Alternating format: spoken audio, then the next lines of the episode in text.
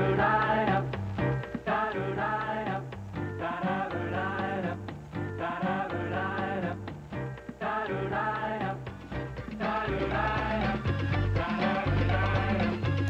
Välkommen till Reformera-podden ytterligare en fredag. Hoppas din vecka har varit fantastisk så här långt och jag sitter nu i ett ganska varmt rum i Klaragården tillsammans med, jag skulle vilja kalla det två stycken powerkvinnor.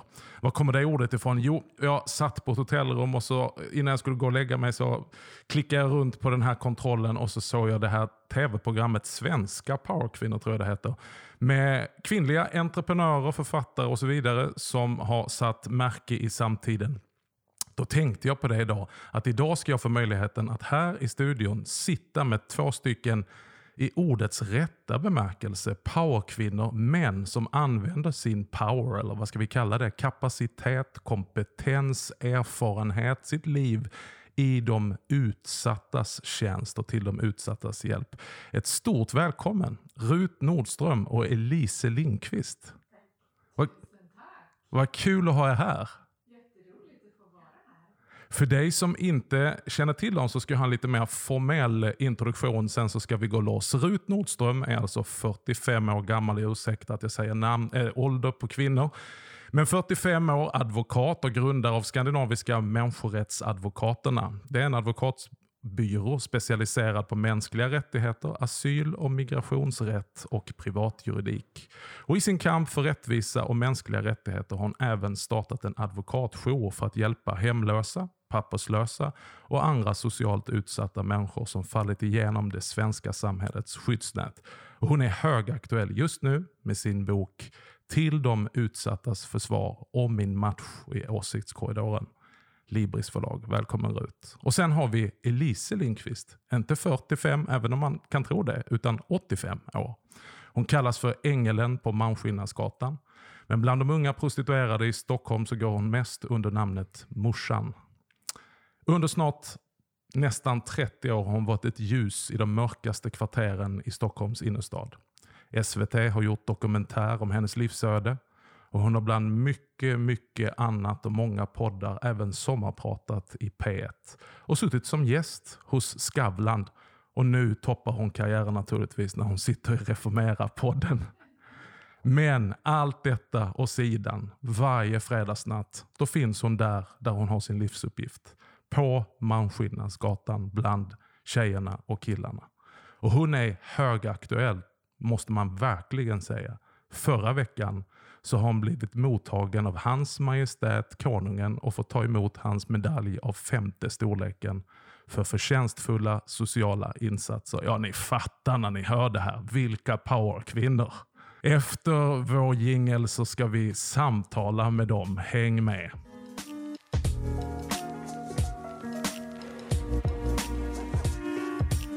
Rut och Elise, efter den här introduktionen så känner jag att det blir ett två timmars program idag, eller hur? Jajamän.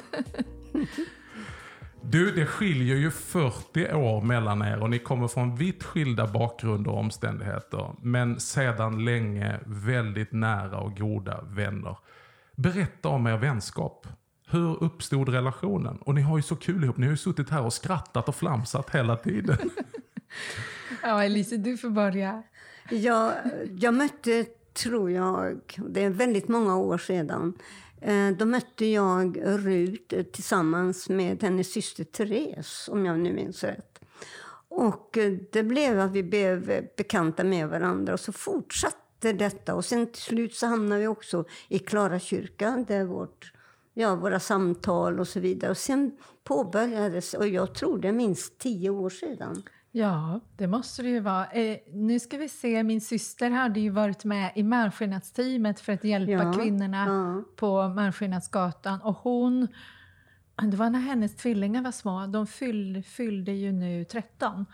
Ja, så det, du ser. Ja, och sen några år efter det så träffades du och jag. Så det är en långvarig vänskap vi har haft. Ja, det har vi haft. Det är underbart att säga tillsammans. Jag har ju fått glädjen att göra det vid några tillfällen. Det skiljer alltså 40 år emellan er. Och ni kommer från helt olika bakgrunder. Men ni har verkligen hittat någonting. Vad är det ni har hittat och funnit varandra i? Vad är det som förenar? Jag tror faktiskt att när jag fick se Rut och fick se hennes ögon som jag är väldigt tycker jag är lite specialist på att se i ögonen vad, vad folk menar. Mm. Och få se Rut kärlek mot den lilla människan. Mm. Då tändes en kärlek, riktig kärlek till Rut och tänkte det där det är en riktig människa. Mm. Det är alltså av kött och blod. Mm. Som menar verkligen att vilja hjälpa den som är utsatt, den som ingen vill ta i, mm. den som inte man kunde nå. Mm. Jag själv har levt i det. Så därför så tror jag att min kärlek till Rut och hennes ögon och hennes kärlek, det lyser. Du ser väl själv hur det mm. lyser, Jesu kärlek genom hennes ögon. Och så skrattar hon. Oj, jag glömmer aldrig hennes skratt. Ibland så när jag lägger mig och är lite sur och sådär, då tänker jag på Rut och hennes härliga skratt. Då hör du Rut Nordströms skratt inom dig. och det är samma sak för mig. Alltså, det är så fantastiskt med Elise. Alltså, vi har ju rest runt eh, i hela Europa tillsammans. Vi har varit i Rom och träffat påven. Vi har varit och föreläst bland de italienska snötäckta bergen. Vi har varit i Bryssel och föreläst i Europaparlamentet. Och överallt där vi reser så är ju Alltså vi kan få såna skrattanfall så att det, alltså det tar inte slut. Alltså vid, vid ett tillfälle efter Brysselföredraget vi höll ju på att ramla av stolarna båda två. Och du irrar in dig i såna krångliga resonemang om sexuppslagen. Det är såna allvarliga teman. Och så blir allting fel. Ja. ja. Och de har spelat in det. Ja. Mitt bland de politiska högdjuren i Bryssel. Ja, men det är ja. fantastiskt. Jag tror det är avväpnande och befriande. Jag tror också det. Ja, ungefär så. Ja. Nej, jag, jag är lite knasig i bollen. Men alltså, jag tycker om att, att få hålla på så här. Ja. Jag tror den helige Ande, han har satt knorr på allting. Ja. Vad underbart. Jag ja. tror att det är just det där som förenar. Alltså, kärleken till de utsatta och den här mm. glädjen och bara spänn. Alltså, mm. Det är nog det. Alltså, det är bara någonting. Det känns som att vi har känt varandra för alltid. Man brukar säga att det är liksom själsfränder. Eh, det är bara någonting. Mm. Som du sa, det bara klack till på insidan. Det var en, en, eh, mm. en gnista på något sätt som, ja. eh, som gjorde att det tändes en eld där. Ja, och jag tycker att, och jag är jätterädd om den här vänskapen. Mm. Bara så innan vi gick in hit i studion så sa jag ett namn. Och då så tittade jag i Ruts ögon och då visste jag precis svaret. Mm. Vi sa, hon behövde inte säga ett ord. Mm. Jag visste vad jag skulle göra. Mm. Så väl tycker jag mm. att jag kan se i Ruts ögon. Om, mm. om hon är arg, ledsen, glad. Mm. Och, ja, det här så här. Man behöver inte prata en massa. Det räcker bara att se. Du, ni jobbar ju båda två på olika sätt och ibland på liknande sätt med just utsatta människor i olika grupper i vårt samhälle. Berätta lite grann.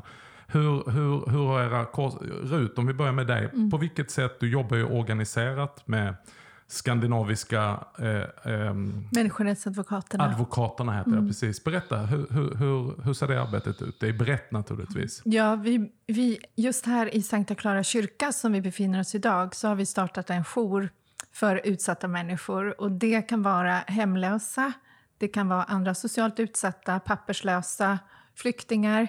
Idag har vi också, vi, tillsammans med diakonerna här i kyrkan, så har vi Afternoon Tea för utsatta kvinnor som Elisa var med och startade upp för, tror det var 25 år sedan. Mm. Som idag till exempel så har vi haft ett ärende som handlar om migration, ett ärende som handlar om att en kvinna har varit utsatt för våld och hennes barn har varit utsatt för våld och övergrepp.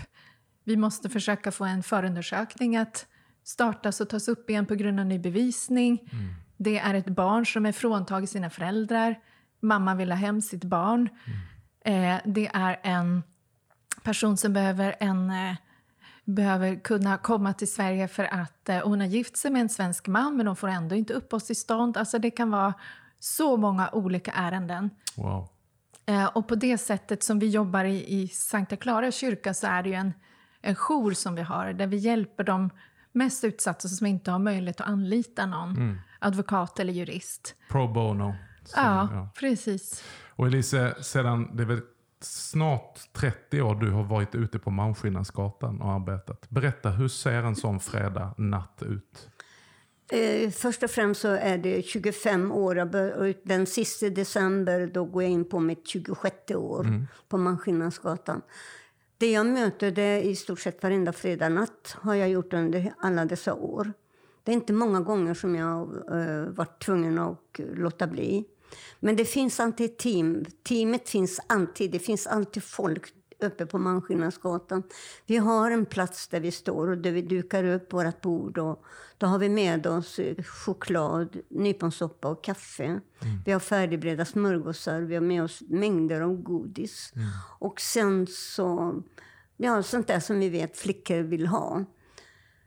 Det börjar alltid, vi finns alltid där uppe vid 21 och 15, 21 och 30 ungefär. Det varierar lite grann.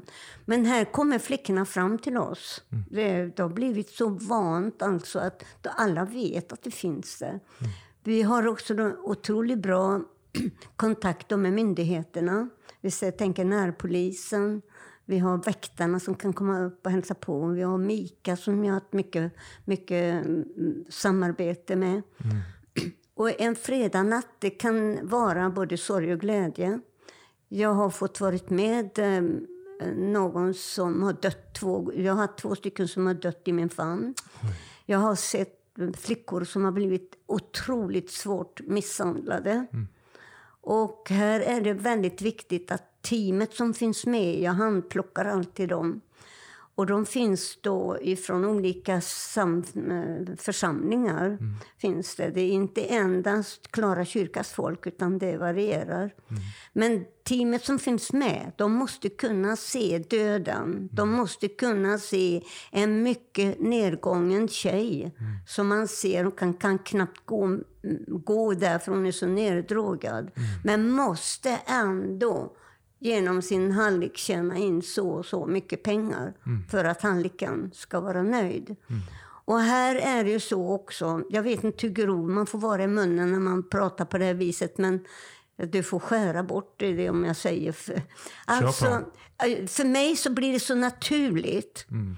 För att om vi nu säger så här, att då undrar kanske någon, men vad är det för män som söker? Vem är det, vad är det för män som, mm. som söker, eh, köper en tjej? Mm. Och då säger det allt ifrån den allra högsta i, i samhällsklassen ända ner till den ensamma. Mm. Men det som är genomgående genom detta med männen då, det är att om vi då säger att en man sitter hemma ensam, mm. frun, på semester, var barnen är med, så brukar jag brukar få höra så sitter den ensamma mannen mm. och har hyrt en porrfilm. Mm. Och han blir kåt. Mm. Och så tänker han så här, nu är jag så kåt så nu måste jag upp till Malmskillnadsgatan och köpa en tjej. Mm. mm. Och han gör det. Mm. Och då har han sett grov porr. Jag har aldrig sett, jag vågar inte gå in och titta för då tror jag jag slår ihjäl tvn. För alltså, det är så hemskt har de sagt, den här porrsajterna som finns. Mm. Och då kommer den här kåta mannen upp till oss och köper en tjej. Och då tror han då att han kan göra såna hemskgrejer med flickan som han har köpt. Mm. Och då kommer orden, jag har köpt dig. Mm. Du är mitt. Jag har betalat för dig. Du är mitt köttstycke. Mm. Jag är ingen flicka av kött och blod. Man har till exempel lagt en handduk över ansiktet för att slippa se ansiktet. Mm. Vad är det? För det är inte män, har jag sagt till mina flickor. Men det finns väldigt fina män, ska ni veta. Utan det här som ni är med om, det är monster. Det går inte att säga att det är svin, för svin, det är ändå ett djur. Men det här, det är monster. Mm. Och då får jag se slagen, jag kan få se hur de har rivit. Jag har fått sett en gång när, när de, uh, han hade slagit sönder en glasflaska och då blir den lite taggig och slagit för min flicka i huvudet, här uppe i huvudet, så det gick sönder. Mm. Med, med, med, jag blir så ledsen. Mm. Då hade han tagit den här glasflaskan och krossat ansiktet och kroppen. Och hon kommer och ropar mamma, mamma. Mm. Och då får teamet som är med, måste då faktiskt, man behöver inte prata och säga någonting. De ringer ambulans och polis direkt. Mm. Hon dog. Mm. Och då frågar jag ambulansmännen, vad var det för gegga här uppe? Och jag hör ju lite dåligt. Jag hör ju bara på ett öra. Så då, då, då tyckte jag han sa att det var eh, eh, substans, järnsubstans mm. som började sippra ut. Mm. Då fick ambulansmännen ta henne och fortsätta. Mm. Det gick inte att få tag på den mannen, eller monstret. Så, och sen kan det vara glädje och vi dansar där uppe. Och då har vi transvestiter, de är så häftiga.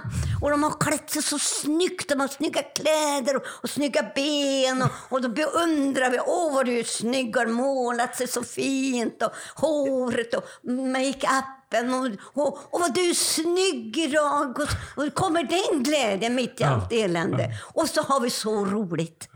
Och vi dansar där uppe och tjohej och hon, någon har radio med sig. På med apparaten och så blir det musik. Ja, och sen blir det helt plötsligt tyst. Då håller det på kanske en halvtimme eller någonting. Och så blir det helt plötsligt tyst. Så ska alla ut och jobba. Det här ni, ni delar, både Rut och det du delar Elise, det, det gör ju man blir mållös. Det blir som en klump i, i halsen. Man vet inte riktigt vad man ska säga. Jag tror att det är så här att ni två på olika sätt och vis får se mycket av den nöden som vi ibland hör lite flyktigt om på en nyhetssändning eller läser se en rubrik. Vi orkar kanske till exempel inte ens läsa hela artikeln. Och Många kan tycka att ja, men varför är det så här i ett välfärdsland som Sverige? Där vi betalar en hög, hög skatt. Här borde finnas skyddsnät. Här borde ingen behöva bli utsatt för det som ni berättar. Mm. Eh, men ni är i närkontakt med den här nöden och de utsatta och möter det. Ja, ni kommer direkt ifrån en samling. Hela, hela era dagar är fyllda av det här. Mm. Hur mycket eh, har att göra och rotat er kristna tro som gör att ni, att ni gör det här? För vem orkar hålla på med mm. det här?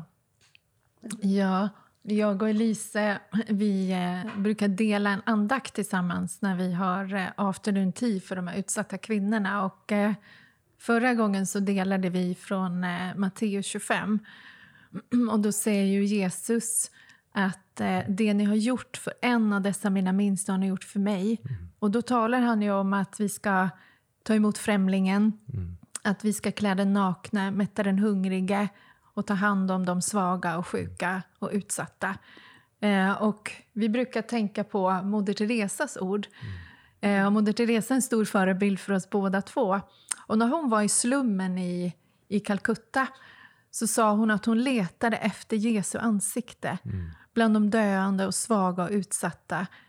Och så brukar vi tänka, inte bara att vi får vara Jesu händer och fötter för att nå och hjälpa dem, men att det faktiskt också är Jesus i dem som kommer till oss. Mm. Och det är ju det djupaste i vår tro, är ju just detta att få förmedla Guds kärlek. Mm och förmedla Guds ljus in i mörkret där det behövs som mest. Och vi brukar säga det till varandra att kan inte förbanna mörkret och överväldigas av mörkret, vi måste tända ljus. Mm. Och bättre att tända ett ljus i ett mörkt rum så kan vi vara med och förhoppningsvis sprida det där ljuset. Mm. Ni är verkligen ljus. Upplever ni att ni har fått en specifik kallelse till det här? Att Jesus, han har ju kallat hela kyrkan, varje lem i Kristi kropp, att faktiskt leva på det här sättet. Men det är helt uppenbart att ni har fått en kallelse att gå i bräschen för det här. Ni, ni sysslar med detta. Men berätta, hur, hur kommer den här kallelsen? Elise, du har, en, du har en bakgrund själv där du har fått utstå och vara utsatt. Ja, det är helt rätt. Och jag är glad för det. Mm. Ibland brukar jag säga jag är så tacksam till Gud att jag fick utstå allt det här. Och då mm. finns det någon som opponerar sig och tycker, vad är det du säger? Du tackar Gud för allt. Jo, men jag gör det. För jag är så säker idag som kristen. Så jag är säker på att Gud, när jag föddes, då skulle jag ut på Malmskillnadsgatan. Mm. Fast det förstod jag ju inte då när jag föddes, mm. såklart. Va? Mm. Men jag känner att det är min det är min plats. Mm. För då för 25 år sedan, 26 blir det, då när Karl-Erik Salberg frågade om jag vill följa med upp på Malmskillnadsgatan med Inga och honom. Och jag sa ja. Mm. Och då, då visste jag ju inte, för då hade, jag har inte bott i Stockholm och jag berättar aldrig var jag kommer ifrån. För jag har också blivit hotad och levt skyddat. Mm. Men då säger Karl-Erik de orden och jag följer med upp. Och här när jag kommer upp på Maskinasgatan med Inge och Karl-Erik, då ser jag mina flickor. Då ser jag flickorna exakt hur de gjorde med kroppen. För det hade jag fått lära mig av min bordellmamma när hon sålde mig. Mm. Hur jag skulle hålla händerna ut efter kroppen, hur jag skulle bjuda ut mig. Mm. Så jag blev proffs som 16-åring. Mm. Så var jag ett proffs. Mm. Så när jag då kommer upp på gatan, då kände jag igen mig. Och då säger jag till Karl-Erik Salberg, som var präst i Klara då. Då säger jag, Karl-Erik, det här är min arbetsplats. Mm. Och ni som känner Karl-Erik, då sa han så ja! Det visste jag, sa han och så knöt han näven. Och sen var jag fast. Sen har jag gått där.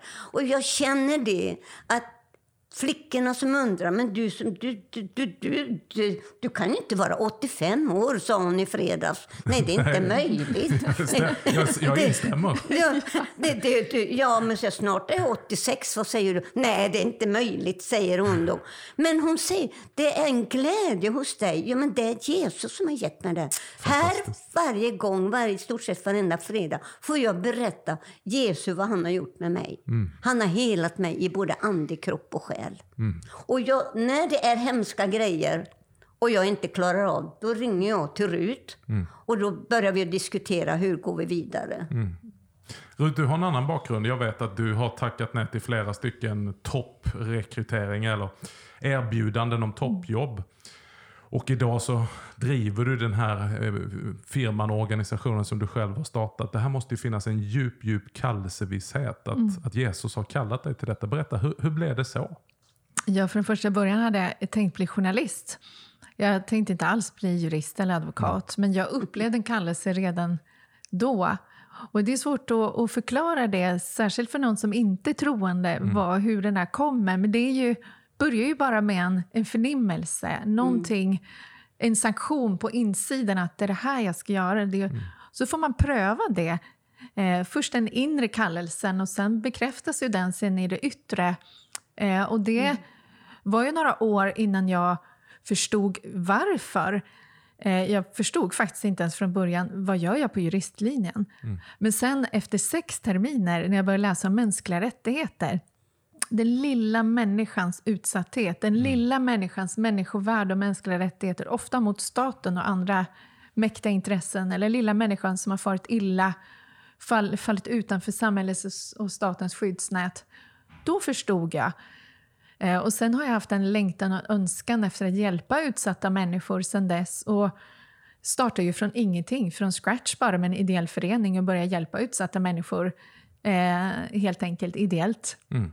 Och sen har det vuxit och idag har vi då en advokatbyrå och en stiftelse och en ideell förening. Ja, och ditt namn och ert verksamhetsnamn är ju på allas läppar. Jag lyssnade på en podd med dig, med ledarredaktionen från Svenska Dagbladet och ni syns och din bok. Och, ja, det är fantastiskt att se. Samtidigt är jag, och jag tror många lyssnare med mig, eh, tänker då så här, vad ser ni som är i kontakt med detta? Eh, var är det skyddsnätet brister? Eh, det är ju också en, en, en, en förpliktigande sak att ta till sig som samhälle när man slår sig för bröstet och kallar sig för ett välfärdssamhälle eh, där man verkligen talar om solidaritet och, och, så vidare. Men ändå ser det ut som det gör. Vad är, vad är, vad är era tankar om det? Ja, men som, om, om jag då ska säga, fortsätta då, då, då är det ju så att eftersom vi jobbar på gatan som du säger och klockan är 12, 1, 2, 3 till exempel. Mm. Och då kommer någon som behöver ha akut hjälp. Mm. Vad är det man ringer? Mm. Jag kan ju inte ringa till Rut klockan mm. två på natten. Hon kan inte komma körande så för att hjälpa till. Men där tycker jag att samhället brister. Mm. För vi har ingenstans där vi då kan komma, ta en taxi och köra iväg med någon. Mm. Och jag har ju alltid drömt om en herrgård. Så du som lyssnar, lyssnar har du en herrgård och vet att du klarar inte av att sköta herrgården. Låt oss få sköta den, men vi ska betala noll kronor för den. Så du vet det. Jag understryker detta. Ja, det gör du. Ja. För att det är två stycken som, jag blev erbjuden då på Hjältegalan, då var det två som ringde och sa vi har din dröm, drömherrgård, vad ska du ha för den då? frågade jag till slut. 6,5 miljon. Nej tack, sa jag. Jesus har sagt till mig en krona. Då mm. la de på luren. Men jag tror att det är som Elise säger, att många gånger så ser ju vi att det brister. Jag tycker Stina Oskarsson, kulturskribenten och mm. dramatikern, mm. hon var ju här i Sankta Clara kyrka och eh, hon gjorde en artikelserie för Svenska Dagbladet i sju delar, mm. där hon beskriver just detta. Mm. Och eh, det är, jag tycker att hon sätter ord på det på ett väldigt bra sätt. Hon sa ju själv att hon trodde att hon skulle bli mer vänster, nästan marxist. och, och komma fram till att vi måste höja bidragen eller komma på något annat sätt där staten skulle kunna gå in och åtgärda det här. Men vi eh, som möter de här utsatta, vi ser att det, när man, det man gör om man försöker institutionalisera den här solidariteten är att man tar bort ansvaret mm. för medmänniskan. Mm. Och där är ju Jesu undervisning om vår nästa det är ju mm. det vi alla måste ta till oss. Mm. Att Jesus säger, gå du och gör detta mot din nästa. Älska din nästa som dig själv. Och då mm. frågar man, vem är min nästa? Och då säger Jesus den här liknelsen om den barmhärtige samariten, att det låg en person där i diket och alla gick förbi. Mm. Prästen var så upptagen och leviten var så upptagen, alla var så upptagna med sitt att de inte mm. såg och det tänker jag att vi alla har ju ett ansvar för våra medmänniskor. Vi kan inte längre gå förbi. Och om man, som Moder Teresa gör, börjar leta efter Jesus mm. i deras ögon, mm. börjar leta efter Jesus själv mm. bland de utsatta, för han själv identifierar sig ju med de utsatta på ett särskilt sätt. Då tänker jag att vi borde stanna upp och vi borde mm. göra det vi kan för vår medmänniska inte tänka att det är statens eller samhällets mm. eller någon annans ansvar. Men det blir ju nästan lite komiskt ibland. Jag träffade en politiker, jag och Elise träffar politiker lite nu och då. Vi har varit och uppvaktat justitieministern ett par gånger och börjat prata om lagförändringar och sådär. Det blir så komiskt ibland, för ibland kan det bli så verklighetsfrånvänt. Jag berättade till exempel om, om arbetet som vi har för de hemlösa här i Sankta Clara kyrka. Och då säger den här politikern till mig, nej men vadå, vi har ju ett program som motverkar hemlöshet. Vi, har, nej men vi kan inte ha någon hemlöshet kvar. Vi har, det här åtgärdsprogrammet har vi mm. satt in. Och jag säger, välkomna till verkligheten. Mm. Mm. mm. Är det inte också problemet att när man, när man, man har liksom fört in någon form av synsätt att det är ofint om vanliga människor och civilsamhället ska behöva gripa in. Utan man tycker att det här ska lösas av myndigheter. Ni betalar er skatt, vi ska fixa det. Och då dödar man precis det du säger, det medmänskliga engagemanget. Mm. Ja, för det är ju ingen mm. institution som kan åtgärda, eller ingen stat som kan åtgärda, utan det är ju eh, medmänskligheten och mellanmänskligheten, mm. det är det som måste till. Självklart måste vi ha institutioner, vi måste ha socialjourer, vi måste mm. ha polismyndigheter, vi måste ha de här institutionerna, mm. vi måste ha våra organisationer, men det är just den här medmänskligheten, eller hur Elisa? Ja, och jag vill flika in här lite grann. Och jag vill berätta om hur det kan vara när jag möter flickorna. Det här är ett långsiktigt arbete. Mm. Du ska inte tro bara för att du kommer upp och halleluja, mm. pris Gud, och så blir man frälst och sen är man borta. Mm. Det tar, för mig så tar det mellan ett till tre år. Mm. Och då menar jag, först så bildar man ett förtroende för tjejen. Sen ska hon komma på behandling, hon ska bli avgiftad. Sen så ska hon bo, kanske bo på ett skyddat boende. Sen så ska hon då kanske börja arbetsträna. Mm. Och sen så ska hon kanske också då få, få ett eget eh, riktigt arbete och bostad. Mm och så blir det en familj. Och då menar det gör du inte på ett år, utan det tar tid allt. Det här är så trasiga människor som vi får möta, så du kan inte, bara för att du och jag kommer upp, så, så löser allting sig. Men här är det ju då att det med jaga efter en bostad som nu då som ligger nära till hands för både dig och mig Rut. Jaga bostad till en person. Mm. Då, och äntligen, om jag vet inte om du kan tänka dig in i situationen. Det här är en flicka som är nära in på oss nu. Hon får sin nyckel för första gången wow. i handen. Hon får komma och sätta nyckeln i sin egen lägenhetsdörr wow. och vrider om och öppnar dörren. Mm. Och så sedan kommer in i hennes lägenhet. Mm. Det här, det är mitt hem. Och då blir det nästa steg. Det är tillsammans som vi har gjort, möblera upp hela hemmet. Och då ska hon finnas med, hennes önskemål och så vidare. Så nu idag så lever hon i en egen lägenhet. Mm. Fantastiskt. Ba, ba, och då, menar, då, då kanske många undrar, men hur, hur, hur, hur, länge, hur många får du bort?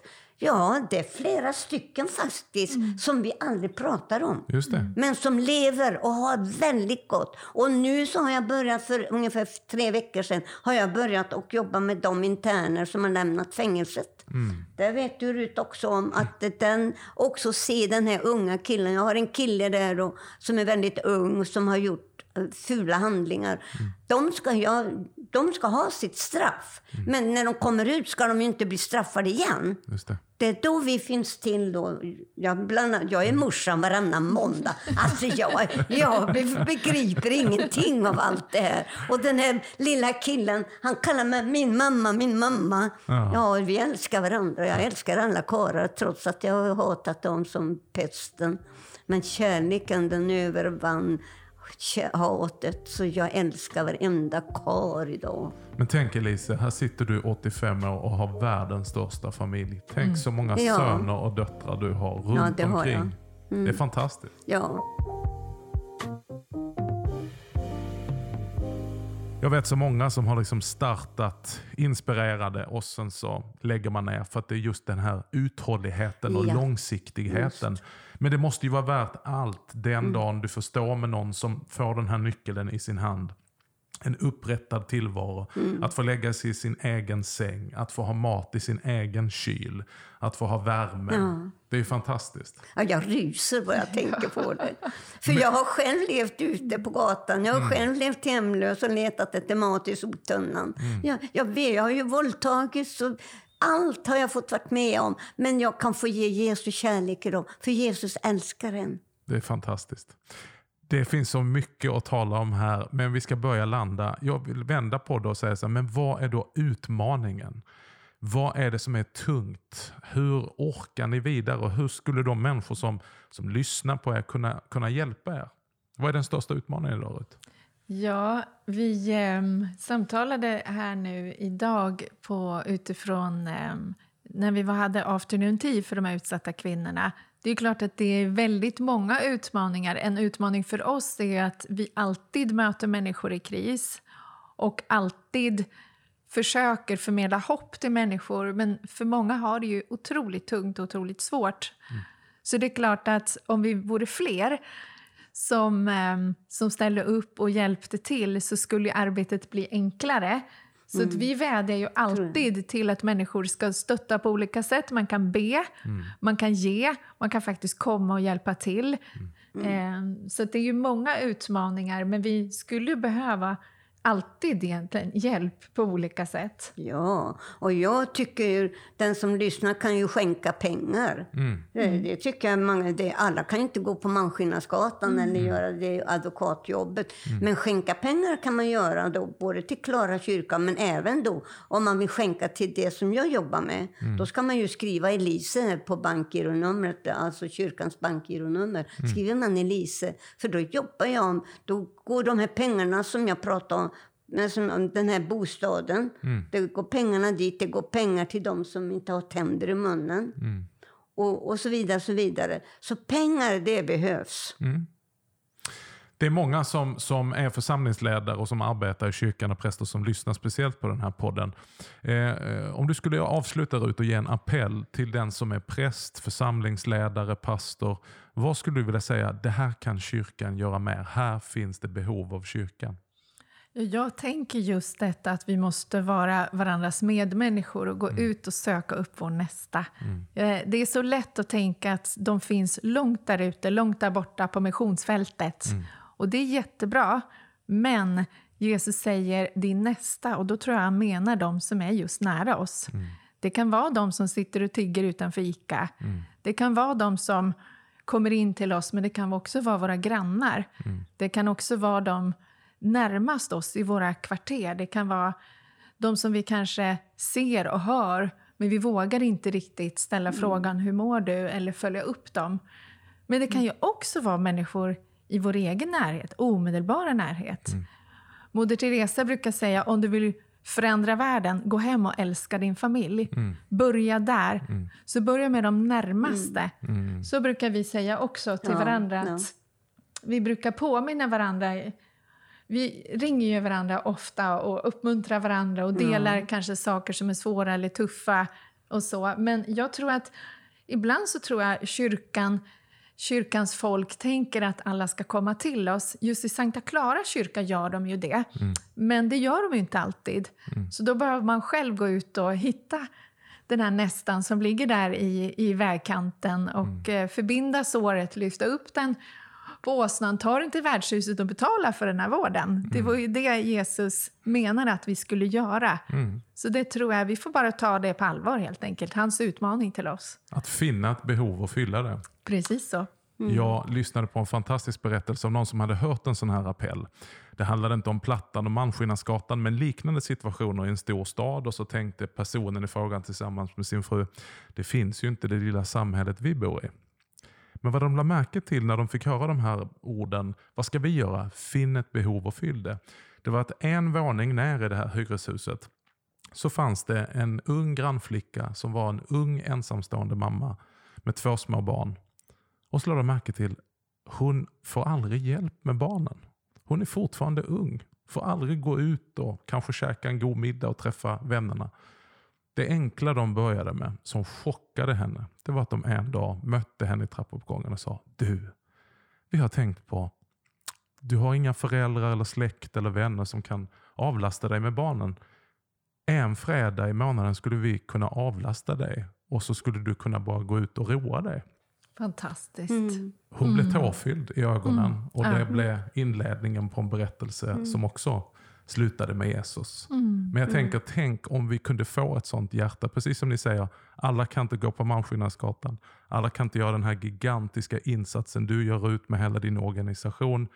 Men alla kan vi be Jesus, väck medmänskligheten mm. i mitt hjärta med din kärlek. Mm. Så att jag lite mer kan få se också Jesus i mm. min nästa. Och få vara ja. Jesu händer, Jesu ögon och Jesu öron. Vi behöver landa vårt program, men jag vill säga ett varmt och ett hjärtligt tack för allt det ni gör och har gjort för de utsatta och att ni ville vara med här i Reformera-podden.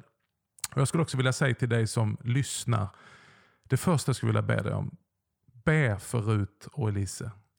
Det som de gör ikväll när du ska be din aftonbön, nämn deras namn vid namn och be om beskydd och be om välsignelse. Och Jag skulle också vilja understryka den här appellen att är det någonting vi borde ge outtröttligt och nästan överdrivet till så är det till de som står på de utsattas sida medan vi, många av oss, sitter hemma och har familjemys. Inget fel i det, men låt oss då, låt våra pengar göra det som inte vi själva gör. Så eh, den uppmaningen skickar vi med Reformera-poddens lyssnare. Och båda två har skrivit böcker. Rut är aktuell med boken till, till de, de utsattas försvar. försvar om min match mot åsiktskorridoren. Och det finns så mycket som jag vill tala med dig om där, men vi får återkomma till det. Och Elise, du har din bok som heter, en självbiografi som heter Ängeln på Malmskillnadsgatan och man kan också titta på SVT Play. Där finns du. Du är ju kändis alltså. Jajamän, i dess goda bemärkelse. I dess goda bemärkelse. Det är väl mm. härligt med powerkvinnor som använder sin power och ställer sig på de utsatta sida. Rut och Elise, Tack för att ni har gästat Reformera-podden och Guds rika välsignelse till er. Tack. tack så mycket. Tack. Och tack ska du ha som har återigen lyssnat på oss den här fredagen. Reformera podden. Vi är tillbaka i etern i en kanal nära dig nästa fredag. Tills dess, trevlig helg och Guds rika välsignelse.